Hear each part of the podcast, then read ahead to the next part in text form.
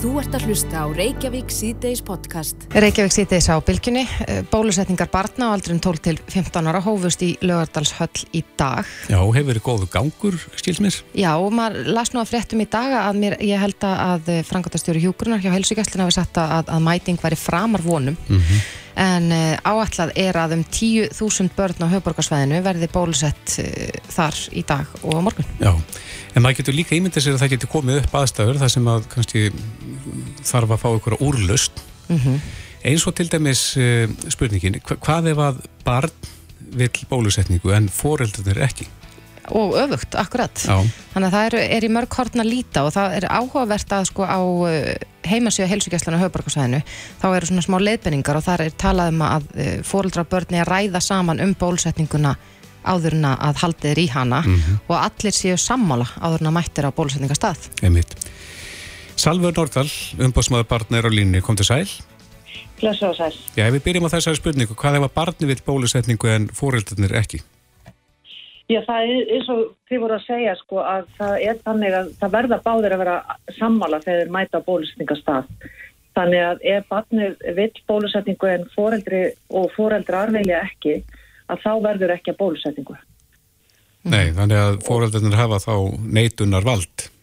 Já, og eins hefur barnið neitunar vald ef það vill ekki bólusetningu og, og for, en foreldrarnir vilja að það sé bólusett og þá er heldur ekki, heldur ekki bólusett og þá er hægt að býða og og hérna til dæmis í þeim tilveikum að, að þegar börn eru börnir sem við erum að tala um núna eru auðvitað starpuð og, og það styrtist í að, að þau verði 16 eða 18 ára og geta þá tekið ákvörðuna sjálf mm -hmm. og, og þannig að þá bara verður að býða með bólusetninguna. Akkurat, en ef að, ef að börn reynilega treyst ekki því sem að fóröldra er að segja, vilja ólum fara í bólusetningu, geta þið leita réttar síns að einhverju leiti hvað þetta varðar?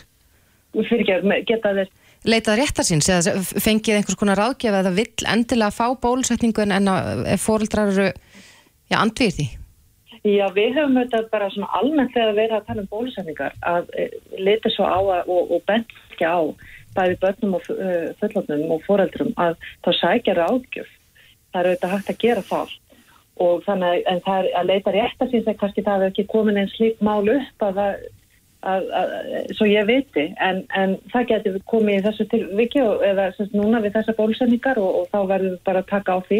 Ef til dæmis til okkar leita bat sem hérna vil eh, endilega fá bólusendingu en, en hérna fóröldarnir ekki. En auðvitað er það þannig með svona hluti að það er alltaf lang best og eðlilegast ef, ef fólk getur náð samkúmulagi og þess vegna höfum við einmitt eins og helsugjærslan hefur verið að brína fyrir e, börnum og, og fóröldurum eða fórseraðilum að, að fólk græði saman og fari yfir þau gögg sem liggja fyrir, upplýsingar sem liggja fyrir á, á heimasíðum e, sótvandara yfir valda mm -hmm. og það sé svona tekinn samræði um þetta. Og svo er þetta líka bara þannig að þetta ber auðvitað freka brátt af og það er auðvitað skiljalegt og það sé kannski hika á einhverjum og þá er líka all, alltaf læg að býða einhvern smá tíma mm -hmm. og taka þannig tíma sem maður þarf til þess að vega og meta uh, ámenning og áhættu. Já, eh, en hvað ef að foreldrar eru ekki samála? Anna foreldri vil bólusetningu en hitt ekki? Sko, við, til dæmis það er þannig að hérna, og kannski sér maður það helst fyrir sig kannski að slik staða getur komið upp þegar foreldrar bú ekki saman mm -hmm. en þá er það lögheimilis foreldri sem ræður í slikum tilvikum Já. og þetta á bara við um allan ágreining foreldra uh, í varðandi, varðandi börn að ef það er mikill ágreiningur og fólk getur ekki komið sér saman um, um einhver ákvörðun að þá það, verður auðvitað að vera einhver leið til að höfða þann nút og í, í lögunum er það þannig að þá er það lögheimilsforeldri sem ræður. Mm -hmm. En Salfur, er það algengt að börn leiti til ykkar uh, ef það er ekki sammála foreldri sem varðandi svona læknisfræðileg málefni? Já, ég, það komað auðvitað alls konar uh, spurningar og ábend, eða svona spurningar frá börnum sem varða svona ágrinning við fóreldra eða milli fóreldra mm -hmm. til sem ekki síst sko í umgengnismálum og, og slíkumálum.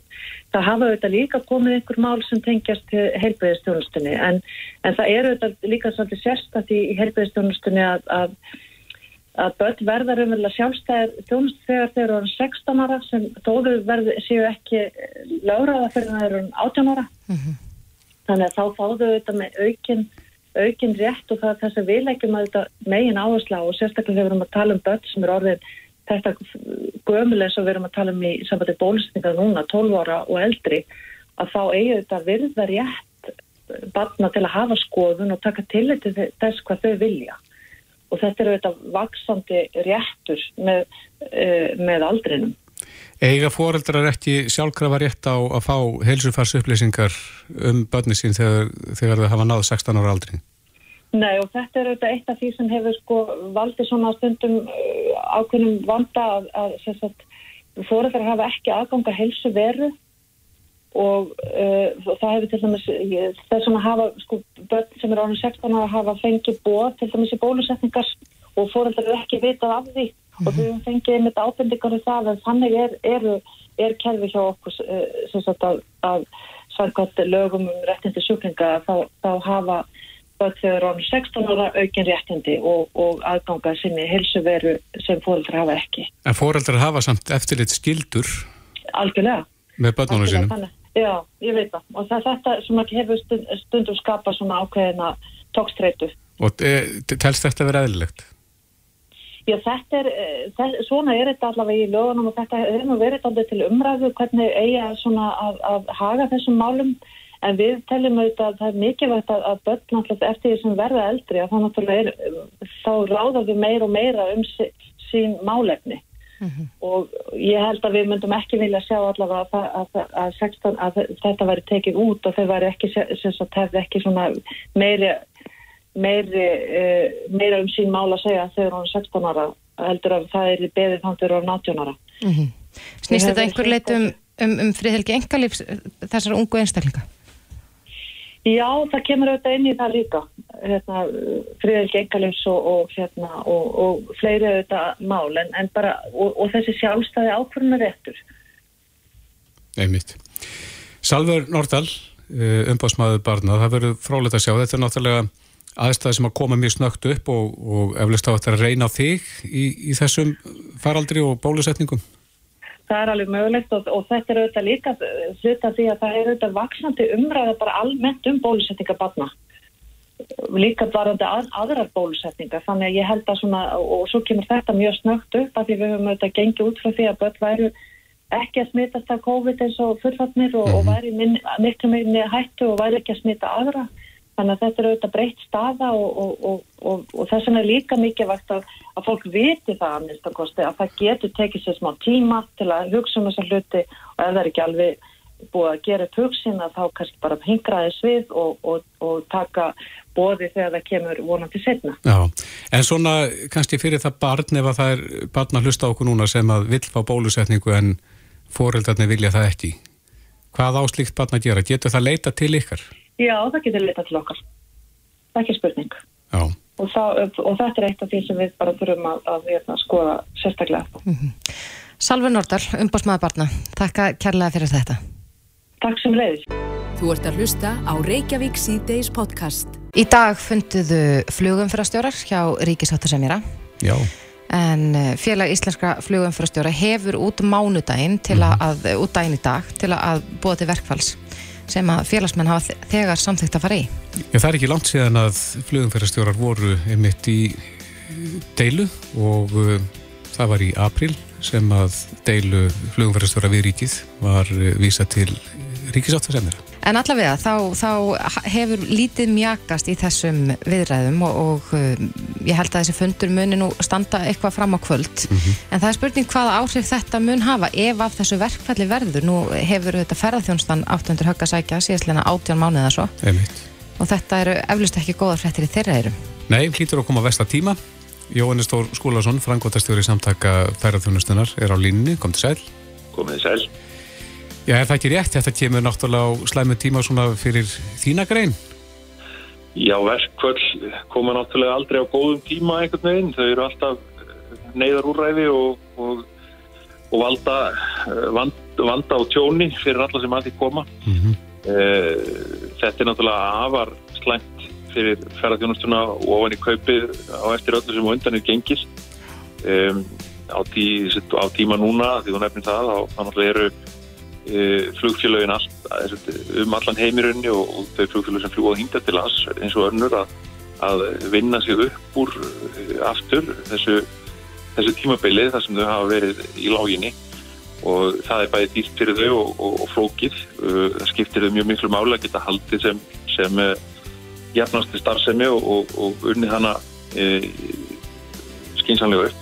Þannig að það er náttúrulega afar slemt fyrir okkur sem áfangastað að, að, að það bætist við einhver svona óvisa um, um uh, flug til landsins vegna verkfalla flugumferðarstjóra og við verðum náttúrulega að bara vona að öllu hjarta þessum þessum samningum, þeir, þeir náist saman þessi samningar áður en að til verkvall þarf að komast. Þetta er náttúrulega klárlega ekki eitthvað sem að, að ferðarþjónustan hér á landi, hvorki flugfélagin eh, nýja aðrir ferðarþjónustu aðra þurfa á að halda akkurat núna. Mm -hmm. Það hefur nú verið talað mikið undanförnum um káos upp á leifstöð og, og svo eru þessar reglur síbreytilegar, það er alltaf eitthvað nýtt í, í sóttvarnar aðgerðunum hér á landi. Heldur að þetta mun bara hreinlega auka meira á þessa óvissu sem er til nú þegar? Já, við, það er bara vel segt að þegar að kemur til verkfallakort sem það er á flugvöllum eða í flugumferðarstjórn uh, í heiminum, þá riðlast náttúrulega flugumferð á þeim tíma sem að verkfalli gildir. Það hefur áhrif á bæði flugfélagin og farsegana náttúrulega og uh, síðan náttúrulega líka þá önnur plön farsegana þegar þeir eru komnir til landsins.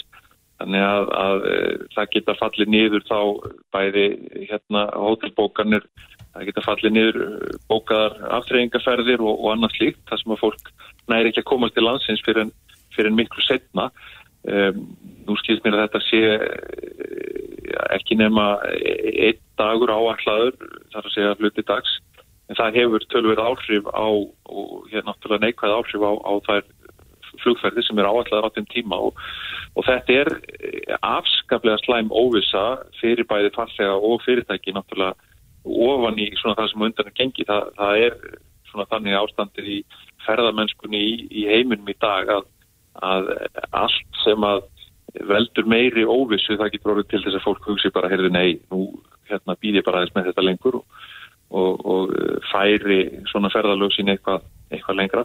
Þannig að hætti við eða, eða, eða slíkt. Þannig að það, það hefur alltaf afar slæm áhrif þegar, verkvöld taka sig upp í mm -hmm. flug. Hva, hvað gerist ef að flugumferðarstjóra fari verkvall? Hvaða staða kemur upp? Já, það er að það kemur bara upp svo staða, það verður ekki hægt að lenda í kemlarík. Uh, hérna, uh, þannig að farstegar sem eiga bóka þá flug sem á að lenda eða fljúa til landsins á, á þeim tíma sem verkvalli gildi, þeir náttúrulega komast bara ekki til landsins fyrir en, fyrir en að verkvallinu hefur verið aflétt. Þetta hefur náttúrulega áhrif líka á, á þá starfsefn flugfélagana þá á hinum endanum, þar að segja þar að segja flug, þau byrja einhver staðar og enda einhver staðar og, og flugfélagin eiga slott á ákveðnum tímum báðu megin. Þetta getur þá haft tölverðan kostnað og, og, og vandkvæði í förmið sér á öðrum flugvöldum þá væntilega líka. Þannig að þetta er bara afslæmt og ég vonast til þess að, að deilu aðilar í þessari deilu nái að, að, að komast að samkómulagi áður en þetta verði að veruleika. Mm. Þetta er, er alveg ótækt staða fyrir, fyrir ferðarþjónustunum hér að vera í. Hvað er þetta fljótt að spyrjast út? Eru þínir stjólstæðinga fannir að fá fyrirspurnir? Nei, ég hef nú ekki heilt af því ennsá en, en þegar búið er að bóða til verkfall þá er þetta nú tiltölu að fljótt svona að spyrjast út í étterinn og þá þurfa kannski einhverjur að fara að láta svona vita líka að þetta getur verið möguleiki en fréttina berast venjulega hratt í, í þessum, þessum bransa. Mm -hmm. En er, hvernig lítur veldir maður því fyrir sér sko hvernig hausti lítur út. Og, og nú er svona sömartíðin svona við það að klárast. Er þið bjart sín á að ferðarmenn muni halda áfram að komingað svona næstu mánuðum? Já, ég er nú nokkuð bjart sín á það en þá svona miða við ást, ástíðin og ástandir eh, við erum náttúrulega ekki að horfa á samskonar eh, haust núna eins og, eins og kannski svona við, við notum orðið eðlilegu ári. Eh, en svona staða faraldur sinns bæði hér og, og Erlendis hefur kannski valdið því að, að e, það er aðeins dropp í eftir spurt núna inn í, inn í höstið kannski með það sem við vorum að vonast til og, og, og sá núna í kannski um miða júli að gæta orðið mm -hmm. e, en e, mér sýnir samt að það séu svona ágætir möguleikar á því að þetta geti nú haldið dampi núna inn í inn í september og vonandi inn í oktober eitthvað líka. Það er náttúrulega veldur ákveðnum áhyggjum að, að e, ef, að til dæmis breytar koma ekki í jafnmiklu mæli og verum vön að, að hausti. Það verið mjög mikilvægur hópur, mm -hmm. þannig að við vitum það ekki alveg en þá. Skólahóparnir til dæmis, það er ekki til dælu ólíklegt að þeir komi hér í afstofnum stíl og vennilega. Síðan eru náttúrulega ímsir hópa sem hafa komið hér yfir jól og áramót og, og inn í januar, desember januar eins og til dæmis frá Asíu sem eru kannski líka heldur ólíklegir í, í, í, þessu, í þessu ástandi þannig að það er ímislegt sem að verður okkur uh, verður okkur til leiðinda í vetur alveg síðastu vetur en, en við vonum að þetta uh, svona eru tiltölu að björnsina á þetta haldi áfram eitthvað enn í höstu samt. Já, en, en getið séð að Jóhannes bara svart á kvítu að að, að eftirspurn hafi minkað svona á síðustu vikum eftir að, að smitt fór að verða fleiri hér landi? Já, við getum sagt sko kannski svona almennt séðum á segja að það hefur, hefur ekki haft en afgjörandi áhrif á þær bókanir sem þegar voru komnar inn í kerfin. Uh, en þetta hefur svona, það hefur dreyið aðeins úr uh, eftirspurn uh, eftir nýjum bókunum og svona, skal, skulum segja e, þessu bókanir sem hafa verið að koma með mjög stuttum fyrirvara og síðustu stundu að, að eftirspurnin eftir teimi hefur kannski minga mest. Mm -hmm. Þannig að, að e, svo bara munum við sjá hvort að, hvort að það byggjar upp aftur eftir því sem að, sem að þetta lagast vonandi eitthvað inn í hösti en, en e, þetta er þó ekki sannig að það séu einhverja mjög drastískar afleðingar. Einmitt. Jóhannes Stór Skúlason, frangværtastjóri samtaka ferðarþjónustunar. Við skulum vona að að það sem, verði samið í þessari deilu þannig að ekki komið til verkvalls. Kæra þakki fyrir spjallið. Takk, takk. Þetta er Reykjavík C-Days podcast. Jæja, Reykjavík C-Days á bylginni. Það var frétt í gær og við reynda rættum hérna fyrir helgi um heimapróf. Mm -hmm. Það er mikið búið að ræða um þau undanfarnar dag. Já, en það hefur verið kallað eftir slíkum prófum. Mm -hmm. Að fólk getur svona kannski gengjur eða, eða róa sig með svona, svona prófum heima við Já, svona fríðað kannski aðeins ef maður já. er, já, jáfnvel með einhver engin eða ég hef heyrt meiri segja að, að sko, fólk hefur verið að halda brúðkaup í sumar til dæmis Einmitt. og þá hafa allir gestirnir fengið send einhver próf heim til sín já. sem þau framkoma áðurnu mæti visslu en uh, eh, sóttvarnarleiknir hefur líst evasemdum um ákæti þessara sjálfsprófa Já, segir að þau séu svona 70% örug mm -hmm. En uh, það var viðtal í gær í fréttunum okkar við Sigriði Margretti Ótstóttur, frangotastjóra Livju, mitt um þessi heimapróf og, og Sigga Magga er á línunni, kom til sæl. Komið sæl. Já, þú nefndir í fréttinni að, að þessi próf sem að þið vilji bjóðu upp á séu 96% örygguð ekki? Jú, það er alveg hárrétt og ég held að sé einmitt alveg ósæðilega mikilvægt að koma því að framfæri. Það skiptir svo miklu máli að núna. Við erum á þessu tímtölu, við fyrirum að læra að lifa með þessari eiru mm -hmm. og við viljum vera hluti af lustninni á þessum vanda sem einmitt faraldur er meldur og við sjáum það svona sjálfspróf eins og þau sem við viljum geta búið til sölu, þau er verið að nota í löndunum í kringum okkur. E, það er alveg rétt og ákavlega mikilvægt sem að sótvarnarleiknir segir að það er ekki ætlast til þess að prófin sér notuð úr svona einkenni, þar að segja að úr svona einkenni þá 8 pampatíma hjá helsuveru og fara í PCR-próf sem er 100% nákvæmt en þau próf sem að við höfum verið að skoða hjá okkur og viljum geta selt, það eru sjálfspróf sem að byggja á stróku úr nefhóli og það er eiginlega svona fjórir þættir sem talaður um að skipti mjög miklu máli þegar erum að meta gæði svona prófa. Þess að þessi próf eru þetta mjög misjöfn. Það er í fyrsta lagi það er mjög mikilvægt að prófið sé með CE-merkingu í öðru lagi þá þarf prófið að hafa verið tekið út af óháðum þriðjafila og svo eru tveir mælikvarðar annars vegar næmni og hins vegar sértæki og e, eins og alþjóða heilbríðismálastofnun er að leggja til, þá er hún að leggja til að við séum ekki að nota svona sjálfspróf sem að eru með minni en 80% næmni og minni en 97% sértæki. Mm -hmm. Þessi próf sem að við höfum áhuga á því að hérna, bjóða, þau eru með 96% næmni. Það þýðir í raunni það að af þeim 100 sem að eru með COVID sem að taka prófið, þá er prófið að nema 96 af þessum hundra, það er að að það sleppa fjóri í gegn. Mm -hmm. e, hins vegar er auðvitað mjög mikilvægt að þetta eru sjálfspróf og þetta eru sem sagt pinnar sem eru þá aðeins minni heldur en þeir sem er verið að nota í rauninni á helsugæslinni. Þetta eru svona 2-2,5 cm og það skiptir auðvitað máli, getur svolítið áhrif á nefnina hvernig prófið er framkvæmt. En þess vegna líka höfum við hjá leiðið svo mikið áhuga á því að fá að vera þáttakandur í þessari löst og fá að hjálpa fólki að læra notaprófin og vera með einfaldar og góðar leðbenningar vegna þess að e, í okkar huga þá er í rauninni þessi próf fyrst og fremst bara að hugsa til þess að geta farið á mannamót, geta farið á hópmundi, geta farið á, á hérna, heimsótt ættingja og tekið próf og verið þar með í rauninni bara örugar í því að við séum ekki smitaðara. Mm -hmm. Það hefur mikið verið talað um það undanfarið að já, veiran hefur jafnvel aldrei verið jafn útbreyt eins og hún er núna og, og þetta myndi þá allavega að grýpa já, þó nokkuð marga ef einungis fjórir af hundra sleppa í gegn. Þessi próf sem við höfum verið að skoða, sem að eru af þessum gæðum, þau eiga að hjálpa til. Þetta er rauninni það sem, að, það sem að þessi próf gera, er að þau grýpa þá sem að einmitt ekki eru með einkenni, að vilja kanna hvort þeir geti, geti verið sem þetta smitandi. Mm -hmm. En Sigga Magga, það eru margir sem er að spyrja hvað tefur okkur, það er að það er verið að nota þetta í löndunum í kringum okkur, er komin einhver reyfing á þetta?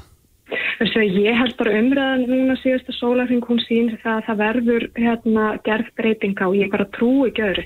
E, þetta er svona dæmigert computer says no, það er að segja sem sagt e, nótkunnin á þessum prófum hún er óheimil vegna reglugerðar sem að byggir á sótarnalögum. En svo er það líka umdeilt hvort að það standist yfir höfu lög að það sé í rauninni óheimilt að nota þessi próf. Þannig að ég ætla að lega mér að vera bjart sín og trúa því að þessi próf verði í bóði fyrir fólk bara núna á allar næstu dögum. Mm -hmm. Sigur Ingi Jóhansson, uh, samgöngumálar á þeirra var í viðtali gær og, og að tala um þessi hraðpróf og sagði að, að það væri nú kannski sniðut að senda prófin heim til fólks þannig að, að hver á einn Íslandingu geti haft slikt heimi á sér. Getur þú séð það fyrir það gerast? Algjörlega, við sjáum það í löndunum í kringum okkur að það er í mörgunlöndum þar sem að jafnvel stjórnvöld er að niðugreiða þessi próf Í öðrum tilfellum eru stjórnvöld að gera þetta, þar að segja að senda saðpróf heim til fólks sem að fólk getur þá notað í smitvarnar tilgangi. Mm -hmm. Hvað kostar svona próf? Eins og staðinu núna, þá getur farið í saðpróf en þá þarfst að fara í saðpróf þar sem þú veist að kaupa þjónustu og það er rannsóknastofa þar að baki. Mm. Þannig í dag eru þessi próf sem að saðpróf sem að fólki standa til bóða annars er að kosta 4.000 krónur hjá heilsugjastlunni eða 6.900 krónur í engaðalum en þessi próf sem að við munum geta bóðið, þau munum kosta undir 1.000 krónur mútið bú. Og á niðugreislu? Á niðugreislu. Já. Já, það er spurning hvort að menn eh, rangi við sér og hvort að þetta verði þá bara niðurstaðan eins og ráþærin hefur nefnt að þetta verði bara sendin á hvert heimili? Það væri óskandi. Já. Sigga Magga, frangotastjóri Livju, kæra þætti fyrir spjallið. Takk sem leiðis. Eins og við heyrðum hér áðan í, í uh, frettum klukkan 5 að þá er helbreyðsráþara búin að ákveða að breyta þessari reglgerð mm -hmm. uh, en þetta á bara við um þessi hrað og sjálfsbróf með 90% næmi. Já. og það eru þessi próf sem hún Sigga Magga var að segja okkur frá. Mm -hmm, Þannig að það nú komin reyfinga á þetta. Já, það komin reyfinga á þetta og, og allavega virðist vera að þau ætla að, að, að, að sikta út þau próf sem eru örugari og Já. áriðanlegri heldur en bara þannig að það er ekki að kaupa hvaða hraðpróf sem er. En þetta er allavega breyting og, og vonandi skrifir þetta átt.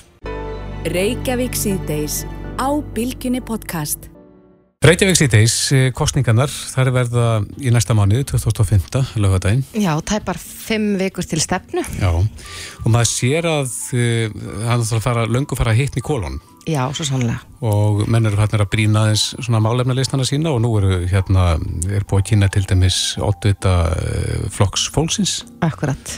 Og þetta er í morgun. Já, en uh, það er svona annað sem er kannski ég veit ekki hvort þetta sé nýtt á nálunum, ég held í raun og veru ekki en, en það er þá svona þessi öðruvísi leiðir svona mm -hmm. ekki þessar hefðbundin leiðir til þess að ná til fólksins og, og nú sér maður uh, frambjöðundur á samfélagsmiðlum Já. ég sá að ásmundur einar er fyrst í ráþæran sem er byrjar á TikTok Já þannig að það ætlan sér að tala við ungu kynnslóðina þar Einmitt. svo sáum við um helgin að Bjarnar Ben vera að leika sér í hoppukastala Tókst ekkert afskaplega vel? Nei, ekkert svo Nei. en hann fekk eflust einhverju til að hlæja Já, og svo Sigmundur Davíð náttúrulega sem eins og þekktir það sem hann borðaði hrátt takk og leik sér við hunda það Já. var mjög fallegt en En á línun er Baldur Þóraldsson, stjórnmálafræði profesor, kom til sæl. Komið sæl. Já, nú er, er svolítið þetta orðið tískan, það er að segja að koma sér inn á samfélagsmiðlan og reyna að ná í kannski nýja atkvæði þar. Já, já og e, skiptir bara rauninni sköpum að e, vera með öfluga kostningabarat á samfélagsmiðlum. Mm -hmm. Ég held að, að vitið allir sem, sem rek, reka fyrirtæki að það, það, það skiptir bara öllu máli e, hvað kemur fram á samfélagsmiðlunum. Miklu frekar kannski heldur enn í mörgum uh, hefðbundi fjölmjölum, þið verður að afsaka það mm -hmm. það, er bara, það, er bara, það, það er næst til svo margra og sérstaklega í stjórnmálunum til unga fólksins eh, sem kannski hlustar ekki á hefðbundu miðla og þar enn meiri kvartningu til að mæta á kjörsta heldur næris. Akkurat, en Baldur, er það nokkuð nýtt að nálinni að, að frambjóðundur fari svona óhefðbundan leiðir og, og kannski slá aðeins á léttari strengi svona í aðræðanda kostninga? Nei, það hafa mennum svona allar tíði gert allar því gert bara, svo, bara það fylgir nú bara og svo bara hvað þetta kemur fram er mjög mismunandi. Það þótti mjög smart hérna sko 2009-2013 að vera á Facebook, þá var það aðalmálið, síðan kemur svona Instagram inn síðar og nú er það auðvitað að, að, að félagsnóður á þarann er að, leið, er að leiða TikTok þeyfinguna stjórnmálamönnum þannig að, ég, að allt þetta skiptir máli. Sérstaklega myndi ég halda Instagram og TikTok. Einmitt, og það var nú þekkt þegar að Bjarni Ben eh, stjælti sér í kökubakstur og það þótti stefnast bara nokkuð vel á sínu tíma. Mjög, mjög vel og skapaði mikið umtal og já, eitthvað svona eh, skemmtilegt og nýtt og öðruvísi eh, sem, sem, sem skiptir máli. Það, já Akkurat. Húmor, það má ekki gleyma húmornum í kostningabarutunni og hafa gaman. Já, en... Er, Akkurat, en Baldur, ætla þetta sé svona leið stjórnmálamannana til þess að svona sína mannlegri hlið á sér, vera ekki bara alþingismadurinn eða ráþæran Bjarni Ben heldur líka einmadurinn og húsfæðurinn? Já, það, þetta hefur, þetta náttúrulega hafa alla tíð bara hafa stjórnmálamenn stunda þetta sko.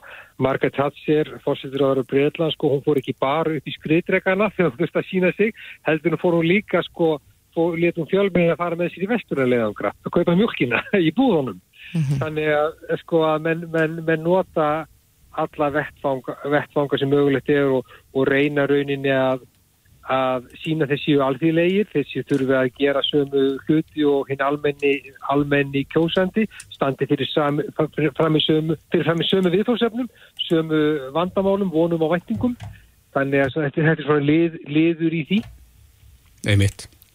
Við vorum með könnun um helgina, Baldur, það sem við vorum að eh, velta fyrir okkur hvort að fólk ætla að kjósa það sama núna í kostningunum í næsta mánuði en svo í síðustu þingkostningum og uh, það voru hátti 9.000 atkvæði sem að bárast í þessa, þessari könnun hjá okkur og þar segir rétt rúmur helmingur, uh, 55,6% að, að þeir ætli ekki að kjósa það sama.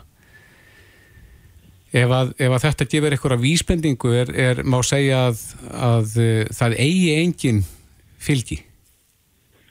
Já, það er orðið staðan og sko kostningaransóknir, kollega mínu hérna við háskólan undan þetta áru hafa sínt það að kjósendur færast miklu meira á mittiflokka heldur en gerða áður og það er bara eikst sko flokkaflakkið hverju kostningunum á fætur öðrum mm -hmm. þannig að það er bara orðið þannig núna nú er ekki með að tölur alveg á hreinu en það hefur bara verið hátt í sko helmingu kjósenda sem, sem kýs uh, kýs aðra flokka heldur en gerði síðast Já. þannig að þetta er mikið viðsnúnungur frá því það sem uh, nær allir uh, landsmenn kursu bara alltaf sama flokki þannig að það hefur miklu að slæjast og þetta er mér að þannig að þessu sömu flokkar eins og vinstur þegar ekki grænt frambóð hún bara sko endur nýjar kjósendur sína í hverjum kostningum að fætur öðrum, missir helmingin af sínum kjósendum en, en þá bætist bara annar, annar, annar helmingur við úr einhver annar átt. Þannig að þetta er ekki saman fólki sem var að kjósa flokkin í dag heldur var að gera fyrir tíu árum. Nei. Þetta er einhverjum stór, stórmerkileg þróur og sjálfsög hefur náttúrulega áhrif á sko flokkana og stefnur þeirra En það sjáum við náttúrulega núna eru til dæmis bara vinstu græn í samstarfi sjálfstæðisflokk og, og, og framstofn. Akkurat. En eins og við sagðum hérna áðan þá eru kostningabaratanu alveg eh, byrjuð auðvitað en, en næstu vikur munu eflaust vera spennandi fyrir þá sem að, að fylgjast með þessu. Heldur að, að þetta munu hafa svona næstu vikur, þessar tæpu fimm vikur sem eru fram á, fram á kjördi munu hafa afgerandi áhrif fyrir einhverja flokka? Já, getum, það munu gera það. Sko, fyrstulega langar mér að nefna því að nú kostninga bara að það byrja voðalega rólega. Mér finnst nú menn ekkert almenlega komnið í, í, í, í gýrin og í rauninni þá nú stjórnaðar aðstæðan og daldi að spýti í lóana ef hún ætlar að komast í valda eftir kostningar. E, sko og það er mikið í húfi fyrir margra. Það eru þarna flokkar sem hafa verið undan þörnum missur að mærnast inn og út, úr, út af þingi bara við 5%, 5 tröskuldin mm -hmm. Hér eru við að tala sko um miðflokkin, flokks fólksins og svo sóstyrlítaflokkin sem er nú alltaf að fá aðeins fylgi í, í konunum. Það, það er bara hvernig kostningabarðan hefna sér þessum flokkum á næstu vikum um skipta sköpum um það er fórt einfallega þeir fá ná menn, menn, mennin og þing. Já. Og það má kannski segja eins og ofta áður sko að eiginlega hvert aðkvæð skiptir máli því að ríkistjórnir hangir á bláþræði sko, samkvæmt skoðanakonunum og hún gæti haldið velli en hún gæti líka falli Já, en talandum sko samsetningu stjórnar eftir kostningar uh, hægri vinstri, sömur segja að þetta muni þessa kostninga muni snúast en um það hvort að það veri kosið til vinstri eða hægri, hvort við fáum vinstri stjórn eða hægri stjórn. Hún er nokkuð blönduð í dag.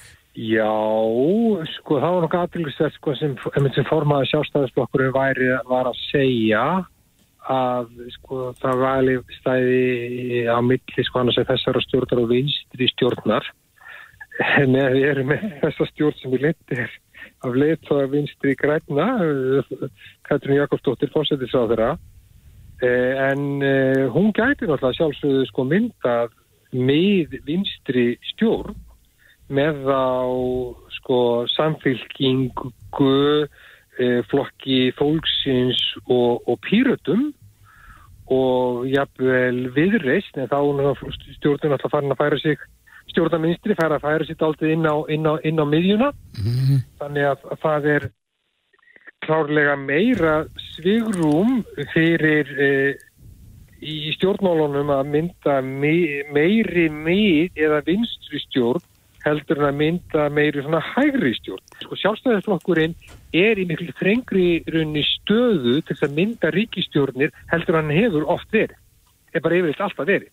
Því að bæði píratar og samfélkingin hafa útloka samstarfi samstarflokki. Mm -hmm. Þannig að hann er í mjög sko, þröngri stöðu þegar kemur á stjórnamyndunum flokkur sem eru alltaf til verið með öll spil á, á, á, spil á hendi. Hann er það ekki lengur og það var ef við ætlum að kannski að mynda meiri hægri stjórn þá var það ekki nefn að sko miðflokkurinn myndi bætast inn í þessa ríkistjórn eða til dæmis að sko, sjálfstæðarflokkur, framsónaflokkur og miðflokkur og kannski viðreist myndi mynda ríkistjórn sko. Sér nú kannski ekki alveg fyrir, menn þá varum við komið með kannski mið hægri stjórn. Serðu slíka stjórn gangað upp? Ekki með viðreist. Ég sé ég, ég sé það ekki ekki með, ekki með þessa, þessa fjóra flokka. Ég gæti alveg hugsaðilega að sé sko sjálfstæðisflokk, eh, framsókn og miðflokk starfa saman. En ég varst um að þeir nái þingmeiri hluta þessi þrjúflokkar. Þeir þurfti eitthvað til því bótað þessu. Já, við munum eflaust heyra aftur í þérbaldi fyrir þessa kostingar. Það er já, já, farað að hitna þessi kólunum. Þetta þetta, þetta er mjög spennandi og, og margt sem getur gæst og stjórnvara leittóðinni þurfa að halda vel á spilunum. Sumi hverju til þess að einfalla að komast bara inn á þing. Aðeins til, til að komast í ráðfæra stólana Já, rétt aðeins í lokin hvað er það að glitta í hvert kostningamáli stóra verður fyrir þessa kostningar? Nei, veistu hvað, það held ég bara ekki. Er það, er það framtíð heilbyrðis kervisins? Já, það gæti verið það, það gæti orðið það. Það gæti líka eitthvað eh, tengst faraldrinum COVID eftir við vitum alltaf ekki hvernig hann þróast. En ég vist endur aðeins að þið vasta að, að stjórnarnarstæðan sína á spilin. Að, hvernig ætlar hann að sækja að stjórninni? Við erum aðeins eftir að sjá það betur. Já, þú segir að hún er sein í gang. Já, mér finnst það, já, já. Mér finnst það að hún áundur högg að sækja. Já, Baldur Þóraldsson eh, professor í stjórnmálfræði, stakka að kærlega fyrir þetta takk ykkur. Reykjavík síðdeis á bylginni. Ísland væri að, að, að nota hjúkurnaheimilin sem geimslu stað fyrir eldriborgara. Já, þetta hefur farið þverjuðugt ofan í þá sem að starfa í geranum. Mm -hmm. En uh, á línunni er Helgi Pétursson, formaður landsambands eldriborgara. Kom til sæl. Komið sæl. Já, þessi orð hafa vætið miklu aðtekli að, að hjúkurnaheimili séu geimslu pláss fyrir uh, gamalt fólk. En, en hvaða afstöðu takkið þið til þessa málaflokks eins og þessir hátta í dag? Jú, þetta er náttúrulega á marga hátt skiljanlegt sko það sem maðurinn er að, að segja sko en, en, en geimslu staður er þetta náttúrulega ekki því að sko hjókurunheimilin eru bara orðin sko síðast að náttúrulega er bara, er bara líknar eh, deildir og, og hérna tróunin hefur orðið þannig að, að um, þessi stefna með það að allir eigi að vera heima eins lengi og þau mögulega geta með aðstof náttúrulega heima hjúkurinn og öðru slíku. Mm -hmm. Við hafum bara í vaksandi mæli gert aðtöðasendur við það uh, við þá stefnu því að uh, sko það vantar það vantar millistík þannig á milli. Þú sem svo er bara heima eins lengi og mögulegt er með alls konar aðstof og, og, og, og ég veit ekki geimdur þar bara uh, eins lengi og hægt er. Og síðan ferðu bara á hjúkunarheimili og það er deyrðu innan, innan, innan svona, ekki mjög, marg, ekki mjög langs tíma. Mm -hmm. og það, þannig að það er það er sko, þetta er orðið, svolítið, þetta er orðið mjög svona kallt og, og, og, og eh, við höfum verið að reyna að benda á það sko, nú setjum set ég þetta mjög innan, innan gæsalappa, sko, elli heimilinn innan gæsalappa, þau hurf þau voru til eins Er það millistígi sem að vantar? Já, já það, það, er, það er eitthvað millistig og við höfum verið að benda á bara litlar einingar sem eru í tengslum við þjónustu miðstöða, við, eh, við hérna, þjónustu miðstöða, við, við hérna hjúgrunarheimili og það sem mann fólk getur búið mm -hmm. í kannski 45 fermetrum, 50 fermetrum. Þessi kynslo, mín kynslo, sko, hún þarf ekki 120 fermetra á eitthvað þjónustu íbúð, skiljuðu. Mm -hmm. Það er bara, það er bara, það er önnur hugsun og við viljum bara komast í öryggi og félagskap. Akkurat, en nú hefur líka verið talað um að, að þeir sem að kjósa þá vilja búa eins lengi heimiðasur og, og, og kostur er á, að það þurfi að, að bæta regluverki í kringum það, að þetta sé ekki nú einfalt í framkvæmt þegar að fólk þarf á, á þjónustu að halda heima fyrir. Alveg klálega og það er, það er sko, það þarf að hrista saman alla þessar þættir. Það þarf í raun og veru ekkert að bæta við meiri peningu. Það er allir þessi þættir, fjónustu þættir, eru til, til staðar. En það er sko læknirinn, hjúkurunakonan og samfélagshjálp, þetta sveitafélagana, þau tala ekki saman. Og sko það, það er alls konar svona atriði sem að, sem að þarf að að gera, við erum náttúrulega búin að heyra alla þessar stórkónslegu tröllasögur á landsbítalálum, en það er ekki skarra ástandi út, í, út, í, út, á, út á mörkinni þar sem að verið er að fara í heimsókn til fólks og það koma kannski fjó, fjóru sinnum uh, hérna, aðstofamenn til fólks á, á hverjum degi. Mm -hmm. En það vil líka verið talað um að þjó nefni landsbítalan að, að það er erfitt gengur erfiðlega að koma fólki af landsbítalanum mm -hmm. yfir á hjúkunar heimili. Já, já þar sem að plássina hjókunarheimilunum eru ódýrari heldur en á landsbytalanum? Ég spyr nú bara sko, alltingi samþygt í, í desemberi fyrir 1,5 miljard fjárvætingu til þess að reyna að leysa þennan vanda og fljóðlega eftir það komum menn og böðu 135 rými í enga, enga framkvæmd.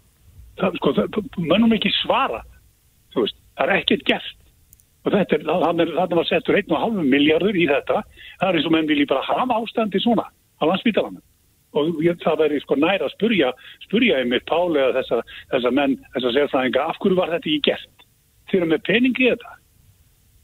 Já. En eh, elli heimilin vantar, ja, þau eru að horfin. það vantar þetta millistík það vantar þetta millistík sem að sko, það var nú verið að hlæja í á þessu helbriðstíki þar sem ég var að þetta væri bara heipa kynnslóðin sem vildi bara það búa í kommunum aftur en, en, en, en hérna, það er ekki það, er ekki það. Við, við þurfum bara að minna um leikis, leikis en við viljum vera í öryggi, fá þjónustu sem við, sem við þurfum og vera í félagskap. Mm -hmm. Helgi, heldur þú að þetta verði eitt af stóru kostningamálun núna í haust þar að, að já, svona í aðdraðanda alþingskostninga? Ég, sko, ég skil ekki þennan að, að þetta við skulum endalöst áratugum saman þurfa að rýfast um þessa hluti og núna þessa dagana að mennskuli, það er einhverju fjórir haustar, fjórir menn sem eru með svo mismunandi sín og mismunandi skýringar á því sem er að gerast að maður skilur ekki að það skul ekki vera hægt að bara læsa þessa menn inn í herbergi og henda liklinum og, og sko opna þegar þeir eru komin á sameilegir nýðstöðu. Já. En munið þið eldri borgarar fylgja eftir kostningalóðunum? Þið munið vantilega að fá ykkur lofurð fyrir þessa kostningar? Já, það er alveg uppbúið. Eh, sko ég held að, að þessi kynnslóð okkar, eins og segi, ég er nú bara 72 ára, að, að hérna, ég held að við séum bara öðruvís í læginu. Við erum ekki eins fólum og, og hérna, uh, pappi og mamma voru og, og, og því tala um af og amma. Þannig að ef að menn fara að lofa ykkurju og setja það sem hann inn í stjórnarsáttmála og gera svo ekkit í því. Þá held ég að sko menn verður látt að finna til tefasins. Mm -hmm. Helgi Pétursson, formadur landsabands eldriborgara. Kæra þakki fyrir þetta. Takk fyrir. Reykjavík síðdeis á Bilginni podcast Reykjavík sýteis heldur áfram. Eh, nú hefur hópur Afgana sem að hafa íslenskan ríkisborgarrétt krafist þess að stjórnvöld bjargi ættingum sínum frá Afganistan. Já, staðan þar er mjög slæm og eh, á í raunin eftir að vestna. Já, og nú er í raunin verið fyrir hver að vera síðastur sko að, að uh, fara þaðan mm. um, vegna þess að þessi frestur fyrir algjörða brott fyrr alþjóðlega hersveita rennur út 31. ágúst og eh, talsmaða Talibana sagði í morgun að það kem ekki til greina að, að framlengja þennan frest. Mm -hmm. en hér á landi eru um 130 eh, afganar búsettir og stór hluti eru með íslenska ríkisborgarrétt En það var líka spurning hvað er þetta stór hópu sem þarf þá að bjarga mm -hmm. ef að þeim verður að viljetinum Á línunni er Nanna Hlín Haldóstóttir sem er eh, gift afgana sem er búsettir hér. Kom til sæl. Sæl veriði og takk fyrir að hafa okkur hérna Ekkert að þakka, en, en eh, Nanna, þú hefur verið í, í sambandi við eh, já, þetta samfélag afgana sem að búsettir eru hér á landi. Já. Hvernig er hljóðið í, í þessum hópi? Það er náttúrulega bara ekki gott. Það eru bara allir ótrúlega stressaðir og náttúrulega mjög mikið að reyna bara heið í fjölskeldunum sem úti. Mm -hmm. En sambandið er ótrúlega stópilt núna þess að internetu liggur bara meira og meira, meira, meira niðri, held ég stundum einhvern veginn næsti og stundum ekki mm -hmm. þannig að það er rosalega mikið stress í gangi sko. En hvað er þetta stór hópur? Þú segir að þetta eru uh, ríflega hundra mann sem að eru búsettir hér Já, en ef við tök, tökum þennan hóp þar er þess að ættingjana, hvað er þetta stór hópur? Það er bara rosalega mismunandi það er í raun að veru að þá eru við svolítið að tala um eða uh, þau hafðu svolítið að tala um að berjast fyrir að fá eitthvað eins og hundra fjölskyldur til Íslands. Mm -hmm. Þannig að það er kannski svona um það byrj það sem að þetta samfélag hefur í Afganistan. Það eru kannski ekki allir sem eru ennþá með fjölskyldur í Afganistan og eins og maður eru mynd, þú veist, þannig með eitt bróður þar sem er í hættu en þú veist, það kannski ekki meira en það en svo eru aðri sem eru með starri fjölskyldur, sko. Akkurat. Þú eh, sagðir aðeins frá sögu mástins í viðtalina vísipunkturins í dag og, yeah. og uh, þar kemur fram að uh, máurðin er síja muslimi sem talibanar hafa ofsott. Hver er staðan á, á máiðinum núna? Hann er bara í félum í raun og veru. Þarna í að uh, herat í Afganistan og er bara rosalega hættur um eitthvað neginn. Þú veist, ég held að bara máli sér að rosalega mikil óvisa en þú veist, málega er að hann er aktífur síamuslimi og hefur svo mikið, hef, hefur verið að kenna þess að í mentaskóla og hefur verið að berjast fyrir bara svona mjög friðsamlegri leið á að yrka tróna og uh, Moskan sem að hann hefur sagt, bæði verið að gisti og verið bara að í því samfélagi, hún var talibanar sem sagt uh, komu, það var sprengjára þar 2017 mm -hmm. og þess vegna er hann, þú veist því þá var hann þarna í Moskunni og hann er verið stressaður út af því raun og veru hefur verið uh, uh, hans nafn hefur verið viðlóðin þennan nafnur sko mm -hmm. En þannig að nú hafa talibanar svona eitthvað neði lofa bót og betrun svona annað yfirbræðið en núna treysta menn því ekki Nei og í raun og veru er þetta bara veist, þetta er náttúrulega þessi skriktna staða. Flestir af afgönunum segja bara, þetta er, þetta er bara tvær umla stöður. Hlutinni voru ekki góðir aðna til að byrja með og það var náttúrulega rosalega mikið óöryggi bara að fara út úr húsi. Það hefur bara verið þannig sístu ári í Afganistan. Alltaf verða, verða, verða. En uh, það er, það tristir enginn talbunum. Bara náttúrulega sagan er ekkert alveg að gefa þeim meðbyrg og það hafa bara verið alls konar uh, frásæknir af því að þeir hafi ekki verið að standa við þessi orð mm -hmm. sem þeir hafi verið að segja síðustu daga og vikur. En heldur að þeir sé að reyna að tala á jákvæðum nótum við alþjóðarsamfélagi til þess að já, svona líta betur út, út af við? Já og það er náttúrulega það er, það er kannski það sem að maður er svolítið hættur um auk þess sem að innmitt bara eru þeir að býða eftir að það fari bara allt þetta alþjóðlega lið fari út og svo byrji ofstofnirnar þetta er bara, veist, það er rosa erfitt að segja en veist, það er engin það er engin að trista þeim. Og það er í raun að veru kannski ekkit rosalega svona, þetta er rosalega mótsegna skilabóð sem að fólk er að fá það Mm -hmm. en, en eh, þessi hópur afgana sem að búsettur hér á landi er að krefjast þess að íslensku stjórnvöldum að, að bjarga ættingum sínum en félagsmálur á þar að saði viðtali morguna að íslensk stjórnvöld geti í raun og verið ekki bröðustu stöðunni nema í samstarfi við aðrar nágranna þjóður og, og tímin er á skortnum skamti er þau bjart sín á að, að það verði svarað ykkar kalli? Mér langar náttúrulega bara til þess að vera bjarkin vegna þess að ég bara einhvern veginn trúist við að bróðir minn væri í þessari stöði stríðsjá landi þá myndi Íslands stjórnvöld bregðast við. Ég bara einhvern veginn hef þá kannski barnslegu trú á því að það myndi gerast og ég bara trúið því fyrir þessa nýju íslitingar sem einhvern veginn eru að gera svo mast gott hérna að Íslands stjórnvöld bregðist einni við þeirra kalli. Akkurat. Já, þetta er eh, erfitt að fylgjast með þessu, svona fjarlægð og, og maður getur rétt ímynd sér að það sé enn erfiðara fyrir þá sem að, að tengjast eh, landinu. Já, það er rosalega erfitt, það er bara einhvern veginn, þetta, þetta er bara, og þú veist, bara, maður, maður er bara svo stressaður yfir þessu og, mm. þetta er svo mikil óvisa. Einmitt. En svona kannski rétt aðeins í lógin, Anna, hvern, hvernig líður þínu manni? Hann er náttúrulega bara húnum líður bara ekkert vel og fjölskyldunni líður ekkert rosa vel og þú veist, þau eru, restina fjölskyldunins eru líka, eru flóttamenn í Íran þar sem að staðan þau náttúrulega eru ekki, bú ekki við þetta óryggi en staðan þeirra heldur ekkert góð mm -hmm. en hans þess að bróður hans gat, fekk, mann misti raun að veru flóttamannstöðun sína þar út af því hann fór í háskóla í Íran þetta er svo margt fyrirlegt í þessu sko og það eru bara allir ótrúlega stressaðar um hann og bara náttúrulega líka um Afganistan og þú veist, en þessi, þetta, þetta er búið að vera svona í mörg ár, þetta er náttúrulega fólk sem er búið að upplifa stress og bara áföll ár Já. eftir ár Einmitt. og við einhvern veginn íslitingar við eigum svo erfitt með að skilja þetta og þú veist, ég er bara einmitt búin að vera í því núna síðust ár bara þegar að að reyna að skilja þennan ótrúlega erfiða reynslu heim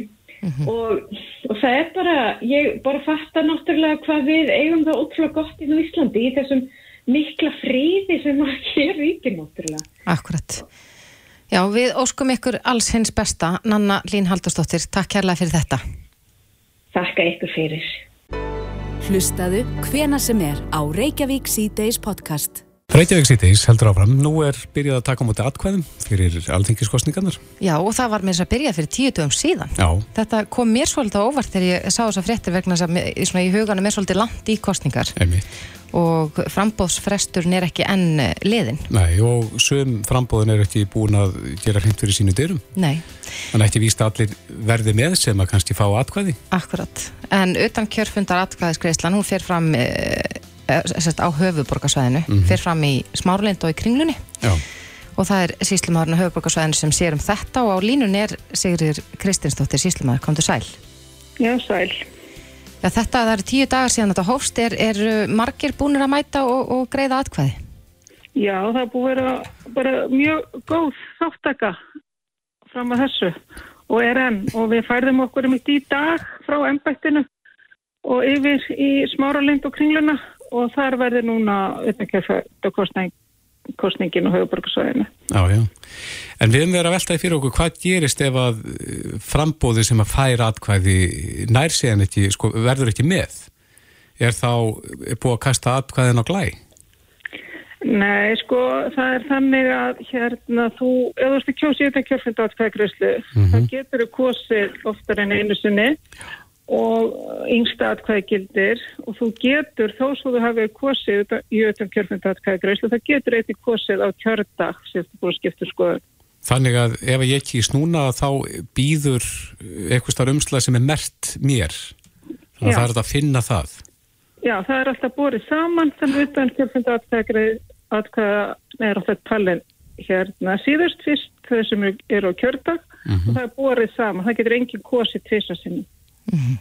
Hvenar rennur frambóðsfresturinn út? 10. september næstkomandi. Ja, þannig að fyrir þann tíma þarf alltaf að vera klappað og klart hjá flokkunum? Já, þau hérna, þau tilkynna inn uh, að þau ætla að bjóða fram og þau þurfa að gera það ekki, ekki síðan klukkan 12 háti í 15 dögum fyrir kjörta, þannig að það er 10. september. Mm -hmm. En er ekki svolítið skrítið Já, en er ekki svolítið skrítið að, að uh, fara af stað með auðvitað kjörfundaratkvæðagreyslu þegar að þetta er ekki allt saman, likur ekki allt ljóst fyrir? Ég get nú ekki svara þeirri spurningu Aha. en í hérna lögunum þá segir að auðvitað kjörfundaratkvæðagreyslu skuli hefist svo fljótt sem auðvið er eftir að hérna búið ákveða kjörda en þó ekki fyrir náttavíkum fyrr. Já. Þannig sjálfur sér þá er, eru lögin sem eru gildi núna að þau gera ráð fyrir þessu að, að það er hægt að byrja að kjósa áður en frambóðsfresturinn rennur út. Akkurat. Þannig að, að ef maður skiptur um skoðun á, á næstu vikum að þá getur maður vissulega farið aftur til ykkar kosið upp á nýtti eða jafnvel bara á kjördag. Já. Já.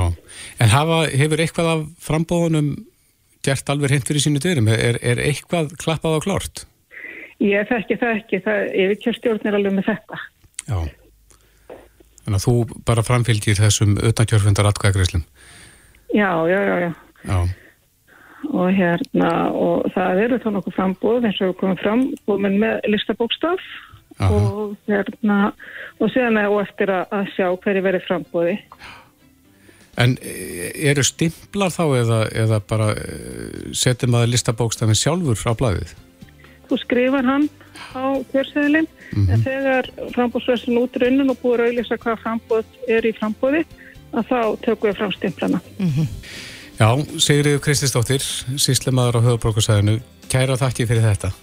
Já, takk. Þetta er Reykjavík C-Days podcast.